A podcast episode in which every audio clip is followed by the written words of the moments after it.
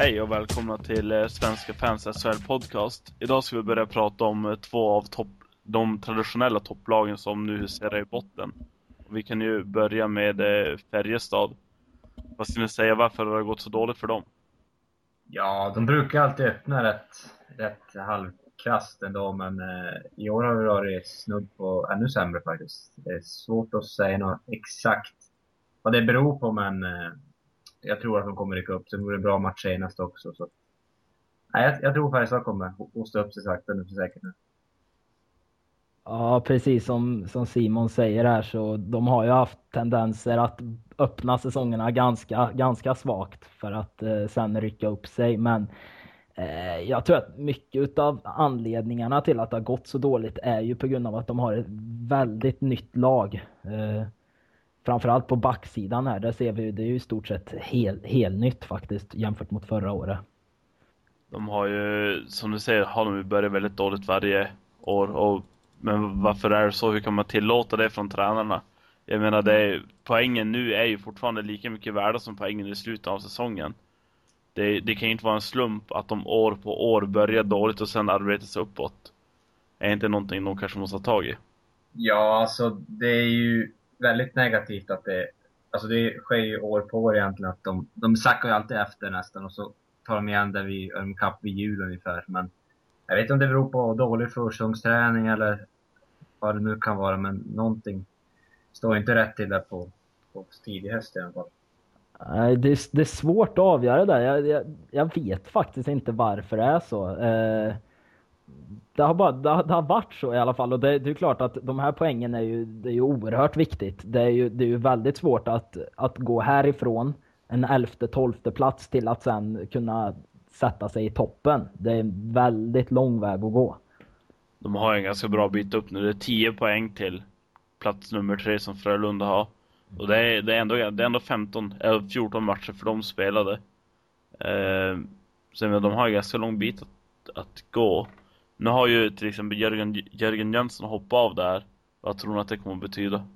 Alltså nu så här, på direkten så kommer det väl inte liksom betyda sig jättemycket utan Jörgens sportjobb är väl egentligen mer, ja det är framförallt på, under sommaren och vår som det mest ska synas kanske, men visst kan man se så här att eh, han gjorde inte, han var inte jättebra för sin post, men eh, det är väl framförallt på sikt i fall kommer att göra skillnad. Jag tror kan hoppa av nu kommer inte märka så mycket, i alla fall inte ute på isen. Nej, jag kan bara hålla med där faktiskt. Det, det, det, det, betyder ju ingenting. Alltså byter man tränare är det klart att det kan ge en eh, direkt effekt. Men eh, en sportchef, det är ju som sagt som Simon säger här, det är ju mycket, mycket av deras jobb sker ju under, under sommaren och våren. Men eh, att Jörgen Jönsson överhuvudtaget satte sig på den posten är för mig ganska oförståeligt faktiskt. Eh, jag tycker absolut inte att han verkar som att eh, nej, det verkar inte som att det är något jobb för han. Och eh, han har ju fått mycket kritik här för att han inte har varit tillgänglig i sådana stunder som man ska vara då, som sportchef. Då ska det ju kunna finnas anträffbar dygnet runt i stort sett. Eh, så att nej, han, han har ju faktiskt gjort, gjort sitt jobb under all kritik måste jag säga. Det känns lite grann som att det var rätt man på fel plats. Jörgen Jönsson är absolut en, en profil man vill behålla inom, inom föreningen på något sätt. Men sen någon som sportchef är väl kanske inte riktigt eh, riktigt rätt uppgift för honom. Men det borde han ju själv ha insett också. Han vet ju, han har ju spelat så pass länge och varit aktiv så pass länge. Att han borde veta ungefär vilket jobb som krävs. Och han var inte ens i närheten av att lägga ner nog mycket, nog mycket tid för att klara av det. Eh, nu vet jag inte hur, alltså mycket hjälp han, han fick från övriga organisationen, men eh, just han misslyckades ju i fjol till exempel sent där vi januarifönstret och plockade, hittade en riktigt bra back när de fick skador där. Och så är sam, mm. samma i år nu också i, innan säsongen drog igång så. Dels målvakten, Danny Taylor har väl inte riktigt ersatt Salak från förr och så backsidan också lämnar ganska mycket övrigt att önska. Det känns, alltså, jag, tycker att, jag tycker att Jörgen, Jörgen Jönsson får ta på sig en så stor del över att det går så pass dåligt för Färjestad. Eh, det... Ja, eh, sen, sen kan jag också se det att ett, ett sportchefsjobb, det är faktiskt, jag har fått lite intentioner av att det i SHL har varit så att man som sportchef är du ganska ensam i ditt jobb och det är ett, ett väldigt stort ansvar att ta. Eh, så jag tycker egentligen att klubbarna borde kanske dela på ansvaret lite mer och, och, på något sätt kunna använda två sportchefer eller någonting sånt. Eh, precis som du sa där att eh, det är ju, man vill gärna ha en sån profil som Jörgen Jönsson kvar i laget även fast han kanske som sagt absolut inte är rätt man för ett sportchefsjobb så blir det på något sätt att han hamnar där. Och det gäller ju inte bara Färjestad utan så är det ju väldigt många organisationer. Saker som sportchef är det ju ganska ensam men det har ju vad ska jag säga, förmånen att eh, kunna delegera arbetet vidare till folk nedanför dig. Men det har ju Jörgen inte gjort och det är det, är det väldigt många som inte gör. Eh, att kunna dela ut ansvarsområden eh, till, till folk under det som sagt. Men eh, det är hans fel.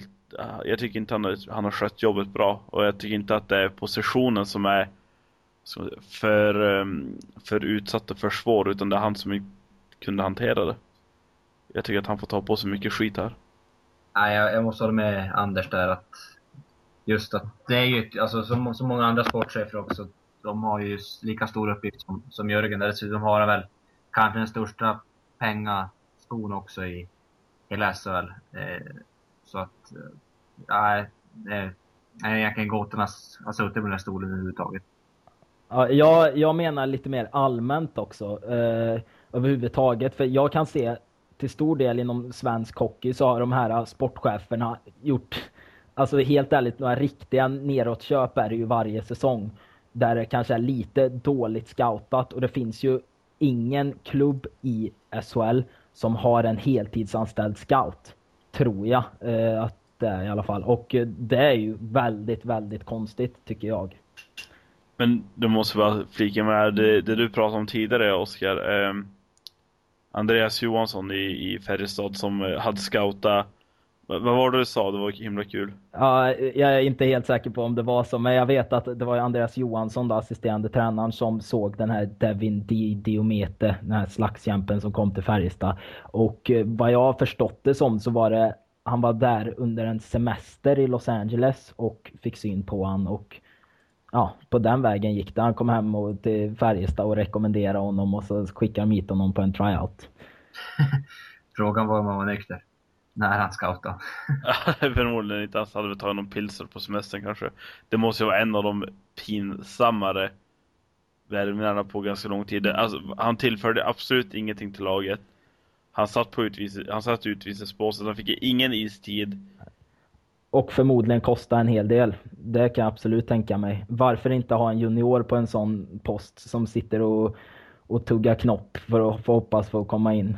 Uh, Istället för han som sitter där och kanske väntar på att hoppa ut och slå ihjäl någon i stort sett. Nej, men... det var ju det han försökte också. Ja. Då fick, eh, då fick Fedriksson nog efter det där. Eh, även om det kanske inte var riktigt bara på grund av det de kickade Nej, det, det har nog en del anledningar bakom sig, absolut. Typ, typ att han är en dålig hockeyspelare. Ja, det, det anmärkningsvärda är att han, eh, har ungefär en snitttid på 6 minuter per match och lyckas ändå samla ihop 32 utvisningsminuter. Vilket leder till en fjärde plats i, i utvisningsligan. Jag vet faktiskt vad han fick i den där incidenten när han hoppade ut på isen. Vad det vart för straffdömt, det har inte jag koll på. Är någon av ni som vet det? På den sista här nu? Ja, precis. Då han hoppade ut på isen och tappade allt. Ja, han fick ju matchstraff. Uh, ja. Ja, okej. Okay. Det, det var det. Då är det väl... Det är ganska många minuter där. Ja, precis. Ja, men han fick, ja, 5 plus 20 fick han alltså. Ja, då kan jag köpa att den ligger, den ligger i utvisningsligan. det roliga är att det är fyra Färjestadspelare som är topp fyra i den, den smickrande-statistiken. Ja, kan det vara ett, en, eh, kan du visa på varför det har gått så dåligt för dem också. Men i alla fall, så vi knyter tillbaka till det här med, med dålig scouting. Så är det här ett praktexempel på det. Och det är ju det en sportchef kanske måste ha hjälp med, att kunna, kunna hjälp, få hjälp med att hitta bra spelare och då kanske det inte är riktigt rätt att fara iväg på sem sin semester och råka upptäcka en spelare. För att sen ge en tryout-kontrakt och värva in i laget. Nej, men... Det, det känns ju semi-seriöst alltså. Det... Nej, men precis. Jag, jag, kan inte säga att jag har full koll på hur scouterna jobbar, men det, jag tror inte som sagt att det är något SHL-lag som har en heltidsanställd scout. Och det borde man ju ha med tanke på att det visat sig att man hämtar så mycket spelare från Nordamerika så känns det ju som att man måste ha någonting riktigt bra att gå på. Nu är det lite mer som att ja, eh, statistiken talar. Liksom. Nej, jag vet, jag vet inte. Men... men precis, just, just när ekonomin är som den är också så är det kanske värt att lägga en extra krona på en scout också för att slippa de här eh, ja, tokköpen som, som sker. Mm. Det, det, kan ju absolut kännas, alltså kommer att bli aktuellt nu då man får ta in eh, hur många transatlanter man vill, eller icke-europeer som det egentligen är. Eh, det skulle kanske vara en möjlighet att alla SHL-lagen gick ihop och hade en, en gemensam scout borta i USA. Att ha varsin scout skulle kosta lite för mycket har jag en känsla av. Ja, fast äh, ett, äh, nej, det tror jag inte skulle funka, men äh, alltså... Varför skulle inte göra det? Ja, med tanke på att alltså, de, de tävlar mot varandra på den marknaden. Det känns som att ha en scout gemensamt som delar ut spelare här hit och dit. Ja, men scouten kommer med rapport på spelare och sen får väl folk, eller klubbarna, buda på det. Jag tror att det skulle kunna funka. Ja, nej, jag, jag, jag är för, dåligt insatt för att egentligen kunna svara på vad som skulle vara bäst i den här frågan. Men eh, jag tycker samtidigt att någonting mer, alltså de här sportcheferna, de, de har faktiskt i regel ett lite för tungt lass att dra, tycker jag. Eh, det här med Jörgen Jönsson då, som sagt, det, det har ju inte kanske med det att göra, utan han var ju helt enkelt fel man för sin post. Ja. Ja, vi får väl se hur det där kommer att arta sig. Men det kan, det kan ju bli någon spännande utveckling nu med scouting. Eh, I och med som sagt att, eh, att man får ta in hur många icke-europeiska spelare man vill nu. Men om vi ska lämna Jörgen Jönsson och den biten så kan vi hoppa vidare till nästa Färjestad. Eh, nästa ämne inom Färjestad. Det är Marius Holtet som eh, fick uppleva, uppleva lite UFC här. Eh, vad tyckte ni om den? Eh, kan man säga att det är en komisk incident? Ja, eh, jag tycker för det första att det är fullständigt oacceptabelt av Sören Persson faktiskt. En domare ska sätta sig, eller ska ha respekt, eh, ska han ha. Och det ska han ha från grunden. Han ska inte gå in och eh, göra något sånt. Det blir, det blir bara löjligt. Och jag, jag vet inte riktigt vad Sören Persson, han har väl fått något, något, något litet straff där eller fått några hårda ord. Men ja, han borde ju få, få böta. Det tycker jag ju absolut. Eh, alltså det, där är, det är ett överfall faktiskt. Alltså det är nästan så att disciplinnämnden ska kolla på det där också skulle man kunna tycka. Eh, alltså på det sättet han gör det också känns ju riktigt komiskt också. Hoppa ju in och vräker omkull Holtet och sen ta ett rejält grepp om, om, om, om snaran på honom också. Så nej, ja. vad som flög igen där det, nej, det... det är svårt att svara på.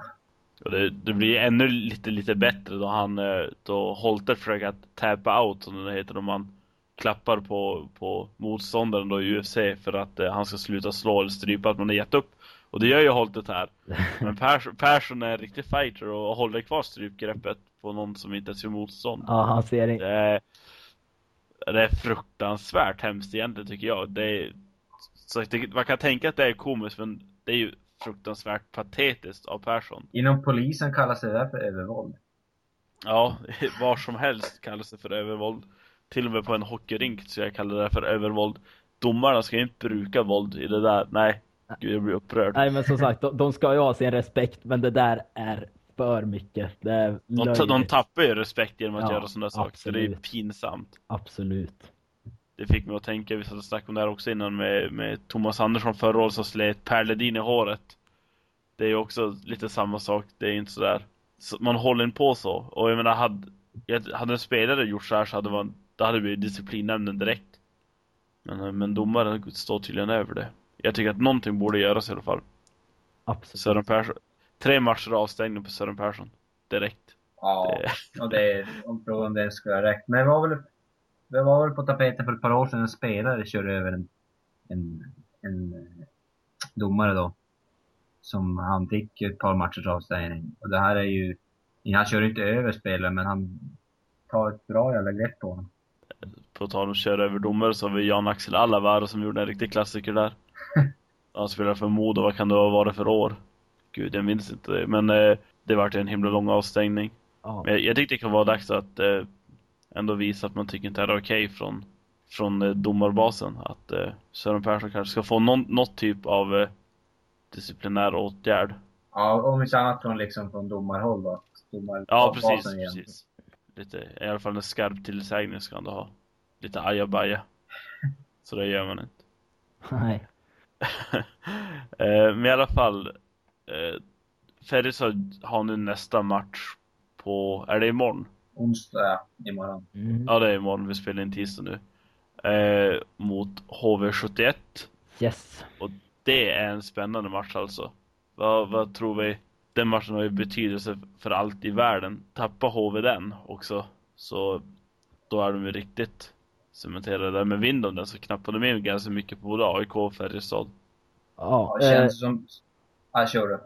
Ja, nej, jag skulle säga det att vi har varit lite hårda här mot Färjestad till början här nu, men vi, vi såg ju faktiskt i lördagens match mot eh, Skellefteå så gjorde de en riktigt bra match där och eh, vann ju till slut då efter straffar va? Eh, Ja. Borde ju ha vunnit tidigare om jag ska vara helt ärlig. Eh, så att de, Färjestad, det kan ju vara så att de har, att de bara hittat eh, det är svårt att säga efter en match fortfarande, men är, de kan ju ändå ha fått lite, lite mod från det här och eh, Nej, jag, jag tror att det faktiskt kom, kan börja lossna för dem lite här nu. Eh, samtidigt som HV, de, de åkte ju på en riktigt tung skalp här nu igår då, till exempel. Så att, nej, eh, just från den senaste omgången så, så talar det för Färjestad. Ja, så det, det är svårt att säga. Men eh, ja, personen, Färjestads match senast var ju ruggigt, ruggigt bra. Sen att de bara fick två poäng, eh, det var väl snudd på ett, på ett rån ändå att de inte fick med sig alla tre. Men just att då gå från att möta Skellefteå till att möta jumbon HV, det, det är något helt annat. Det blir desperationshockey och nej, alltså, Det blir en jättetuff match, helt annat än mot Skellefteå. Det blir betydligt mer till, tillknäppt. Eh, och jag, ja, jag tror faktiskt att HV kommer att vinna där och knapra in på, på ovanstående dag faktiskt. Tillägg, Oj. tillägga ska ju också att Färjestad faktiskt har, eh, de har ju varit väldigt dåliga på hemmaplan. Eh, så att det är ju också en grej som, som talar för HV. Men eh, nej, jag, jag tror på Färjestad. Då Simon sa att det var svårt att säga så tycker jag helt tvärtom. Jag skulle bli jätteförvånad om Färjestad förlorade den här matchen. Eh, de gjorde en suverän match senast mot Skellefteå. Det var inte det att Skellefteå var dåliga, det var det att Färjestad var stört bra alltså. Eh, spelar de likadant som de gjorde mot, mot Skellefteå så blir det en 7-1 seger eller någonting sånt där. Ja, men just det jag menar, det blir en helt annan hockey mot, mot HV här. Eh, Skellefteå, Skellefteå har inte, har inte den desperationen och liksom, de, de spelar ju ganska öppen hockey. I sig, HV kommer ju knyta ihop, spela ganska tight och kompakt. Och grisigt. Ja, det- Alltså, desperat och desperat hockey, det är ju mest en panikartad hockey skulle jag säga från HVs sida. Det är inte jättemycket som ser jättebra ut i det där laget. De, de vann ju mot eh, Linköping eh, för två matcher, eller för, förra matchen blir det. Jag såg inte den matchen så jag vet inte riktigt hur de spelade. Men sen direkt efter det alltså går de och plumpar mot Skellefteå i ett riktigt bottennapp alltså för dem. Eh, Jag, jag, jag tror att det blir en enkel seger för Färjestad. på det sättet som Färjestad spelar borta mot Skellefteå det, det var ju inte bara att man, man var med målmässigt utan man var ju, man ägde ju matchen. Jag kommer inte ihåg skottstatistiken nu men den var ganska brutal vill jag minnas. Eh, utan de, de tryckte tillbaka Skellefteå fullständigt och eh, gör de, spelar de på lika, likadant sätt nu mot HV då, då ser inte jag heller att det skulle vara några problem så sett. Men det är som sagt det är svårt att säga. HV har ibland har gett väldigt mycket också. Det är ju... Då, jag och Simon var uppe och såg då de mötte Luleå. Eh, och stundvis såg HV riktigt bra ut faktiskt. De var bättre än Luleå. Men så fort de hamnar i motgång så är det en enorm uppförsbacke för, för HV. De, det, det finns ingen förtroende för spelet de spelar tycker jag. Det känns som det... Nej, de, de, de har inte riktigt det där självförtroendet i laget. Så att så fort det går dåligt så viker de ner sig väldigt mycket. Ja precis, det var ju den, den känslan man fick också. Första, första perioden mot Luleå var egentligen jättebra. Ändå var det 2-0 liksom i, i och det var ju två sena mål dessutom och de kom ju, första målet kom ju ja, efter För 17, 17 17 minuter. Precis, och så sen får, får Luleå 2-0 även med sekunden kvar. Då känns det som att HV, de, de, de ja, istället för att kriga på så de lägger sig ner och dö- dör lite grann. De har ingen riktig plan B när de, när de väl hamnar i, i knipa. Det känns som att i deras fall är jätteviktigt att få första målet imorgon också. Vad tror ni nu att om, om HV ska förlora den här, sitter Ulf Dahlén kvar? Du säger, sa ju senast Simon att eh, Ulf Dahlén ska vara borta vid det här laget om jag inte minns fel. Ja, det är fortfarande gott att, att Kahn där är kvar faktiskt. Eh, just att, ja, det var två veckor sedan vi, vi pratade om det senast. Han sitter ännu kvar. De verkar ha jättestort förtroende för, för, för Uffe där i Jönköping. Eh, vilket är helt åt skogen. Eh, han har egentligen inte lyckats med någonting senaste fem åren egentligen. Han var ju inte speciellt lyckad i Frölunda och nu i HV har han ju inte gjort något jättejobb heller och nu är ju skutan väldigt nära att gå i, i, på grund så att säga. Så att, eh, att, att han är kvar än, det är jätteskräll för mig. Men jag tror tyvärr att för HVs del att han kommer sitta kvar tre, fyra veckor till oavsett resultat. Ja, men precis. De har ju inte gått den här vanliga vägen med att sparka tränare, utan de har ju istället köpt in ett par spelare nu som vi har sett och sparkat Gagnon och sådär.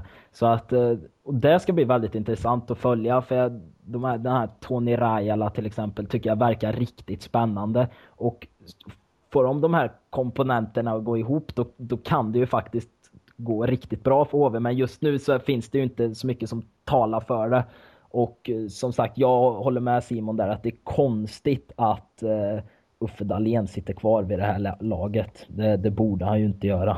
De har ju tagit in eh, lagkaptenen, eller ja, Johan Davidsson i båset nu också långtidsskadad. Tyckte ni att det är ett bra beslut? Ja, alltså Davidsson kan väl räcka lite energi och sådär men i längden ska vi inte ha så jättemycket med, med det att göra utan det behövs en helt ny röst i det där båset känns som. I dagsläget. Eh, och det räcker inte att, att köpa in spelare på spelare. Eh, utan det, det måste göra någonting, göras någonting från ledar, ledarhåll också. Snart, tycker jag personligen. Men Fredrik Stillman verkar tycka annorlunda där. Jag är lite förvånad över det det här med att de hade sponsorträff ganska nyligt. Att de sponsorerna satte hårdare krav på att Uffe Dahlén skulle avgå. Det är jag lite förvånad över. Hade jag, hade jag varit huvudsponsor för HV71 och det gick så här, då hade jag krävt att någonting skulle hända alltså. Ja, eh, vet vi säkert att det inte har varit något, något hårt tryck där då? Det har ju varit hårt tryck, men uppenbarligen inte no nog hårt tryck för att kicka han. Nej. Och jag menar, det är fortfarande, sponsorerna är ju på ett sätt klubben, det är de som är pengarna. Absolut, ja. Eh. Det är ju pengarna som styr idrotten, vare sig man vill eller inte. Men HV verkar, verkar lägga pengar på, på spelare där istället och har tagit in tre nya nu och det börjar ändå närma sig snart ett dygn sedan Stillman presenterade sin senaste värvning också. Så det, och det ryktas ju om, om Campoli också här, härnäst. Så vi får se vad, vad som händer där i Jönköping. Det är ändå ganska kompetenta värvningar de har gjort, det måste man säga. Eller, ja, jo, det är det ju. Eh, så får vi se om det kan lyfta laget, men det är väl en liten process att få in dem i gruppen också. Ja, precis. De är kompetenta, men på stor rink liksom, vad, vad kan de bidra med där? Och även i, i det här laget det är ju inget man ska räkna med över en natt om man säger i alla fall. Eh, det är ju något som, som måste, det kommer ju ta en tid för dem att ställa in sig i den här typen av hockeyn. Ja, nej men som sagt, det, det här med Johan Davidsson om man ska kommentera det, det tycker jag är, det är bara positivt att få in han där. Det känns som att han har ju ändå, vad ska jag säga, hans hjärta slår verkligen för HV och jag tror att han bidrar med stor dos energi bara av att stå i båset. Jag tror faktiskt också det kan vara en ganska bra sak att plocka in en sån spelare, speciellt om han har varit eh, lagkapten. Men han kommer förmodligen inte att spela någon mer hockey. Så jag, jag, tror absolut att det är helt rätt att eh, sätta han i båset. Tillföra lite energi. Jag tror knappast att han, att han eh, underminerar Uffe Dahlén. Det har svårt att säga, så att jag, jag tycker att det är, det är bra. Det var, det, var, det var ju för övrigt en eh, konsekvens, eller en åtgärd om man så vill, av Eh, det här sponsormötet de hade, att de ville ha in Davidsson i båset. För HV hade ju vägrat det förut, men eh, ja, och sen vann de en match direkt efter det också, så att jag vet inte om det hade någon effekt, men spännande att se i alla fall. Eh, vi har ju en sån här riktigt fräsch Aftonbladet-nyhet på det här också, att HV är ju körda nu, de blir utkastade ur SHL. Ja. Det är så, så gott som 100% säkert. Eh, Eller? De är ute nu alltså, eller? Om man ska tolka Aftonbladet i alla fall. Ja. ja. Eh, Det, är ju, det, det, det stämmer väl inte riktigt. Jag, jag tror väl på sin höjd att de får lite böter för det här med den här övergången då. Vad var det? Alltså det var en agent som inte var tillåten, eller hur var det? Ja, han var inte licensierad av Siko. Ja, så var det. Eh, och får därför inte föra en spelares talan. Och sen hade han gjort det och nu har, är nya regler till år. Att ingen, eller att den som inte är licensierad och Siko får ta hand om en sån affär alltså? Ja, jag är inte fullt insatt med något i den stilen. Och då hade då den värsta påföljden man kan få är att man blir utkastad från, från ligan. Men att det skulle hända HV pff, inte en chans. Nej, det finns ju inte på kartan. Men sen även när man ser att, att den är signerad av Thomas Roos så sjunker det nyheten i värde också. så. Han är kanske inte mest pålitliga, eller den jag har mest respekt för inom hockeybranschen. Gud vad vi sågar folk idag Ja, det, det, det, är en stor motorsåg som har kommit fram här idag. Jag tror vi är lite bittra för att eh, Ja, nej vi, vi, är lite bittra idag helt enkelt Så vi passar på att såga folk Ja, jag är ju fortfarande bitter att jag inte får mitt Jan, mitt Janmark special här men... Ja, men hoppa in här med Janmark då, Oskar, kör Nej, har du, Uh, du får 15 sekunder Jan Mark. Får jag 15 sekunder? Nej, men jag har, jag har väl egentligen inte så mycket att säga om honom, förutom att han, är, han har gjort stort, stora steg i AIK i år. Verkligen. Han är, jag skulle säga att han är absolut topp tre bästa spelare i ligan just nu. Ja, det, ja, ja.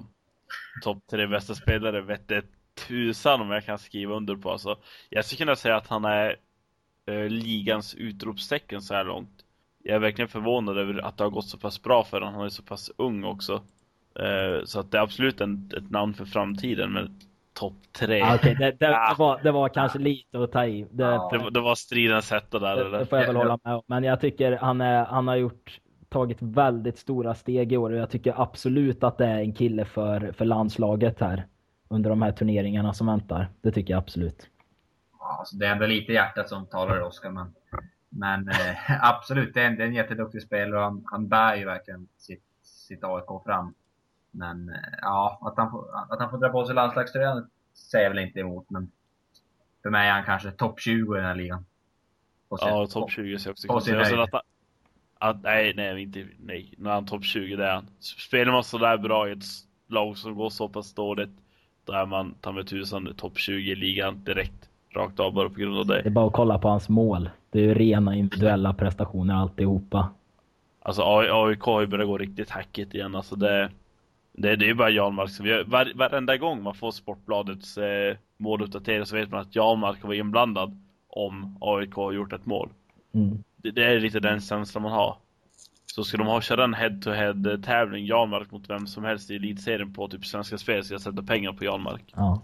Ingen snack om den Han har gjort 10 av lagets 35 mål framåt också. Så att, nej, absolut. Han är en, en bra kille alltså, absolut. Men det, det behövs mer i, i AIK för att de ska lyfta känns som i dagsläget. Ja, de har tappat alldeles för mycket för att kunna vara med och tävla om någon, om någon topplacering, är min känsla. Eh, ska vi lämna Gnaget och gå vidare till AIK eller? Nej. nu försöker jag provocera. Nej men eh, Skellefteå och Bud Holloway där har vi också en lite mindre smickrande statistik. Inte ett mål på 15 matcher. Vad säger vi om det? Ja, det, det är väl lite förvånande då. Det kan vara lite, lite baksmälla på, på den kära Bad kanske, men han har ju ändå bör, börjat knapra ihop åt, åtta assist nu, så att han, han börjar väl kanske hitta till, till sitt forna jag, men, men som han sett ut hittills i år har han varit ruggigt blek faktiskt. Det är ju det är egentligen tredje och fjärde line plus Jocke Lindström då som, som har levererat hittills. Men nej, jag, jag tror på Bud. Han, är, han gör kanske inte 71 poäng den här säsongen, men jag tror innan, innan vi summerar så är han uppe i 40-45 i alla fall, minst. Eh, det som jag tycker är så fascinerande med Skellefteå, vi säger inte AIK för övrigt, eh, så det är ju att eh, de, det är i stort sett varenda spelare producerar ju absolut. Det, det finns så här, äh, nej, de, de har verkligen material i alla femmer och det är ju någonting som är, det ger ju ett vinnande lag. Uh, sen har Skellefteå har inte gjort, du Anders som har lite bättre koll kanske kan svara på det, men uh, de har ju inte gjort så mycket mål i år mot nej. förra året. Utan deras grej är ju att de lyckas ju ta de här täta matcherna. De hittar alltid ett sätt att vinna på. Eh, Ja, vi har såg till exempel mot, mot Färjestad nu, ja, eh, så då var de helt under isen under hela matchen skulle jag säga. Och så sen med fyra sekunder kvar, då, nej, då, då, då kommer ett mål där. Så att de har något sätt att de lyckas hela tiden knapra in poäng och det, det gör ju att de ligger så bra som de gör. Det var förut, de var förut sex forwards inne vid, vid det tillfället, ska, ska tilläggas. Sen har de faktiskt, de har gjort mest mål ligan tillsammans med Luleå och eh, Linköping också. Men eh, om du jämför med i fjol så var säkert den siffran betydligt högre efter 15 matcher. Det var den, det är jag helt övertygad om utan att ha någon sta- statistik på det. Något som jag måste bara lyfta fram här som är lite kul är att alltså Jonas Frögren, poängsprutan Jonas Frögren, har gjort mer mål än Bud Holloway. Det är lite, det, det känns lite overkligt. Det hade nog inte så många tippar efter 15 omgångar. Nej, Ja. det har varit en bra jävla utdelning på svenska, svenska spel faktiskt. Där man kunnat Ja, gotta sig lite där man hade satt den. det roliga, Jonas Frögen, han har väl redan nu satt poängrekord i stort sett. Personligt poängrekord menar jag. Nej, det, det, det är kul för honom att han, att han har fått bidra lite offensivt för annars har han ju inte Annars har det inte varit det som han har gjort om man säger så. Nej, jag, jag såg en i- eller intervjun eh, efter, efter HV-matchen, då han gjorde lite poäng, så snackade han ju med, jag tror det var David som snackade med då, i, som satt i, nej vad säger jag, vad säger jag nu, svamlar jag jättemycket. Efter Färjestad-matchen snackade han med, oj, vem var det som satt i, i Sanny Lindström. det var Sanne Lindström, tack nu.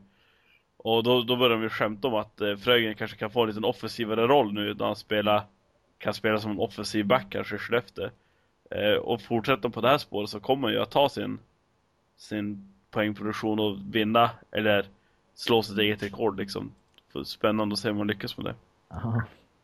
Det är otippad eh, poäng, poängproducent där i, i, eh, Jonas. Jag måste säga att det var kul att han fick göra mål mot Färjestad. Det var ju, det var ju faktiskt skitkul för honom. Ja, då mådde jag gott. Det gjorde säkert han också i och för sig. Jag undrar hur det känns för en sån spelare att möta sitt gamla lag. För jag menar, han har ju spelat ett, ett gäng säsonger minst sagt i Färjestad.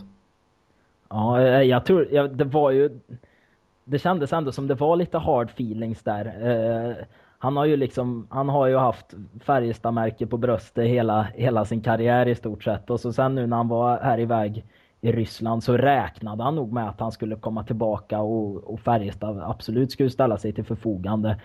Och eh, det tyckte jag var konstigt att de inte gjorde. I och för sig så hade de ju i stort sett fullt, fullt backbestånd då. Men nej, jag tror, jag tror att det var det måste varit väldigt skönt för honom som sagt att, att hänga, dit den, hänga dit den mot just Färjestad nu i lördags. Ja, alltså, ja, jo, det tror jag också. Men det måste vara fruktansvärt jobbigt att sätta en hård tackling på sin kanske bästa kompis också under mitten av match. Det kan inte vara en jättekul upplevelse. Sån, Eh. Sådana känslor spelar nog visserligen inte in då, utan det, det är match, så då är det match. Det kanske är så enkelt. Eh, nu har vi pratat om en från, från mitt lag, en från Oskars lag och så tar jag en från Simon också, Linus Klasen. Eh, nu var tanken inte att vi ska ta en från vardera av våra lag, men det vart så. Linus Klasen är värd ett omnämnande, eller? Ja, vi skulle kunna ha ett helt program om, om den lilla pucktrollen faktiskt. Men, men eh, nej, vad ska, vad ska man säga? Han, han levererar onekligen i år. Eh, 23 poäng han, eh, han har gjort. Eh, och det är väl framförallt sista 6-7 matcherna han varit otroligt bra. Han har, han gör ju i princip poäng på allting och hade ju fem poäng mot AIK senast här också. Men nej, äh, han har fått en jättebra försäsong i Luleå. Jag jämfört med förra när han kom helt otränad till klubben. Så det är väl mycket det som spelar in också. Sen har han lärt sig att husera med kraften och ändå jobba hårt. Eh, och då, kom, då trillar poängen in helt enkelt. Han har ju, alltså han bär ju laget skulle jag nästan säga. Eh, tills- tillsammans med kanske Olausson då. Som står för ganska mycket av poängproduktionen i det där Luleå.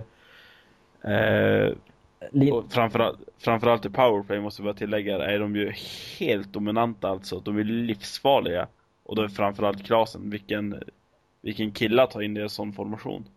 Ja, det roliga där är ju att första 5, 6, 7 matcherna i säsongen så, så gjorde de ju nästan inga mål i powerplay. Det var väl, jag vet inte, fem, första sju matcherna så var, var de nere på en 15-16 procent. Men nu är de uppe i, tror jag, närmare 26 eller något sånt där.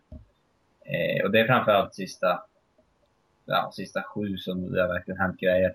Det är ju farligt varje gång. Det är just när Klasen får bära, bära pucken. Så fort han byter och kommer in i en annan kedja så, så tappar de direkt nästan pucken i, i powerplayet. Ja, eh, Klasen är ju en sån också. Han har ju riktigt, riktigt stor potential. Och att han får lira med en sån kille som Niklas Olausson som i stort sett alltid sätter puckarna på bladet, det bidrar ju mycket också. Eh, så att jag är inte alls förvånad att, att de producerar så som de gör. Sen Linus Klasen är ju en sån, han har ju fått mycket kritik för det och var, att han är en spelare som, vad ska man säga, han, när, när det inte lossnar för han då, då går han ner och är väldigt dålig spelmässigt också. Så att, men nu är han ju absolut, han är ju riktigt, riktigt het. Han har ju, mellan varv har han ju sina dalar, men just i år har det inte varit så jättemånga. I fjol var det ju ja, fem, fem matchers period hela tiden han dalade, men i år har han hållit en betydligt jämnare nivå. Sen var jag väldigt kritisk i början till han och i samma kedja. Det, det var lite kaka på kaka där och de hade egentligen inget tempo i grejerna, men Sen splittrade de på dem i powerplay också, så de får en enhet var och då har powerplay lyft också. Alltså vi dra in ett sista ämne här som jag bara kom på nu i farten innan vi avslutar. Det är hur Luleå har gått på de här typ senaste tre åren som jag kan säga. Från att vara ett ultradefensivt lag till att de blivit betydligt mycket mer offensiva. Eh, hur ser ni på den utvecklingen? Kanske framförallt du då Simon som är anhängare. Alltså just det första året där med som när de började med Jonas Rönnqvist, då hade de ju väldigt defensivt inriktat lag. De hade egentligen ingen, ingen spets framåt alls. Och utan var det liksom, det var egentligen överlevnadshockey, men det var lite Almtuna eh, över dem där egentligen. Det var ett hårt jobbande lag som egentligen bara spelade defensivt. Och, och siktade egentligen på att vinna med 1-0 eller 0-0 eller sådär. Sen har ju, efter varje år som gått har de ju plockat in lite mer spets för varje säsong och försökt flytta fram positioner och nu, nu börjar de mer och mer likna lite grann och det Skellefteå har stått för de senaste två, tre åren egentligen. Så det är dit jag hoppas att vi kommer att komma en dag. Har du något att flika in där, Oskar? Nej, det har jag faktiskt inte. Jag känner mig rätt nöjd. Du, du sitter på där och gottar nu med matkomma. Ja. ja, men dock, jag har inte heller så jättemycket. Jag är nöjd med Simons eh, svar där och kan väl inte annat än att hålla med. Så vi kanske får ta och tacka för oss och så hörs vi igen på två veckor. Ha det gött ute i stugorna. Ja, ha det fint.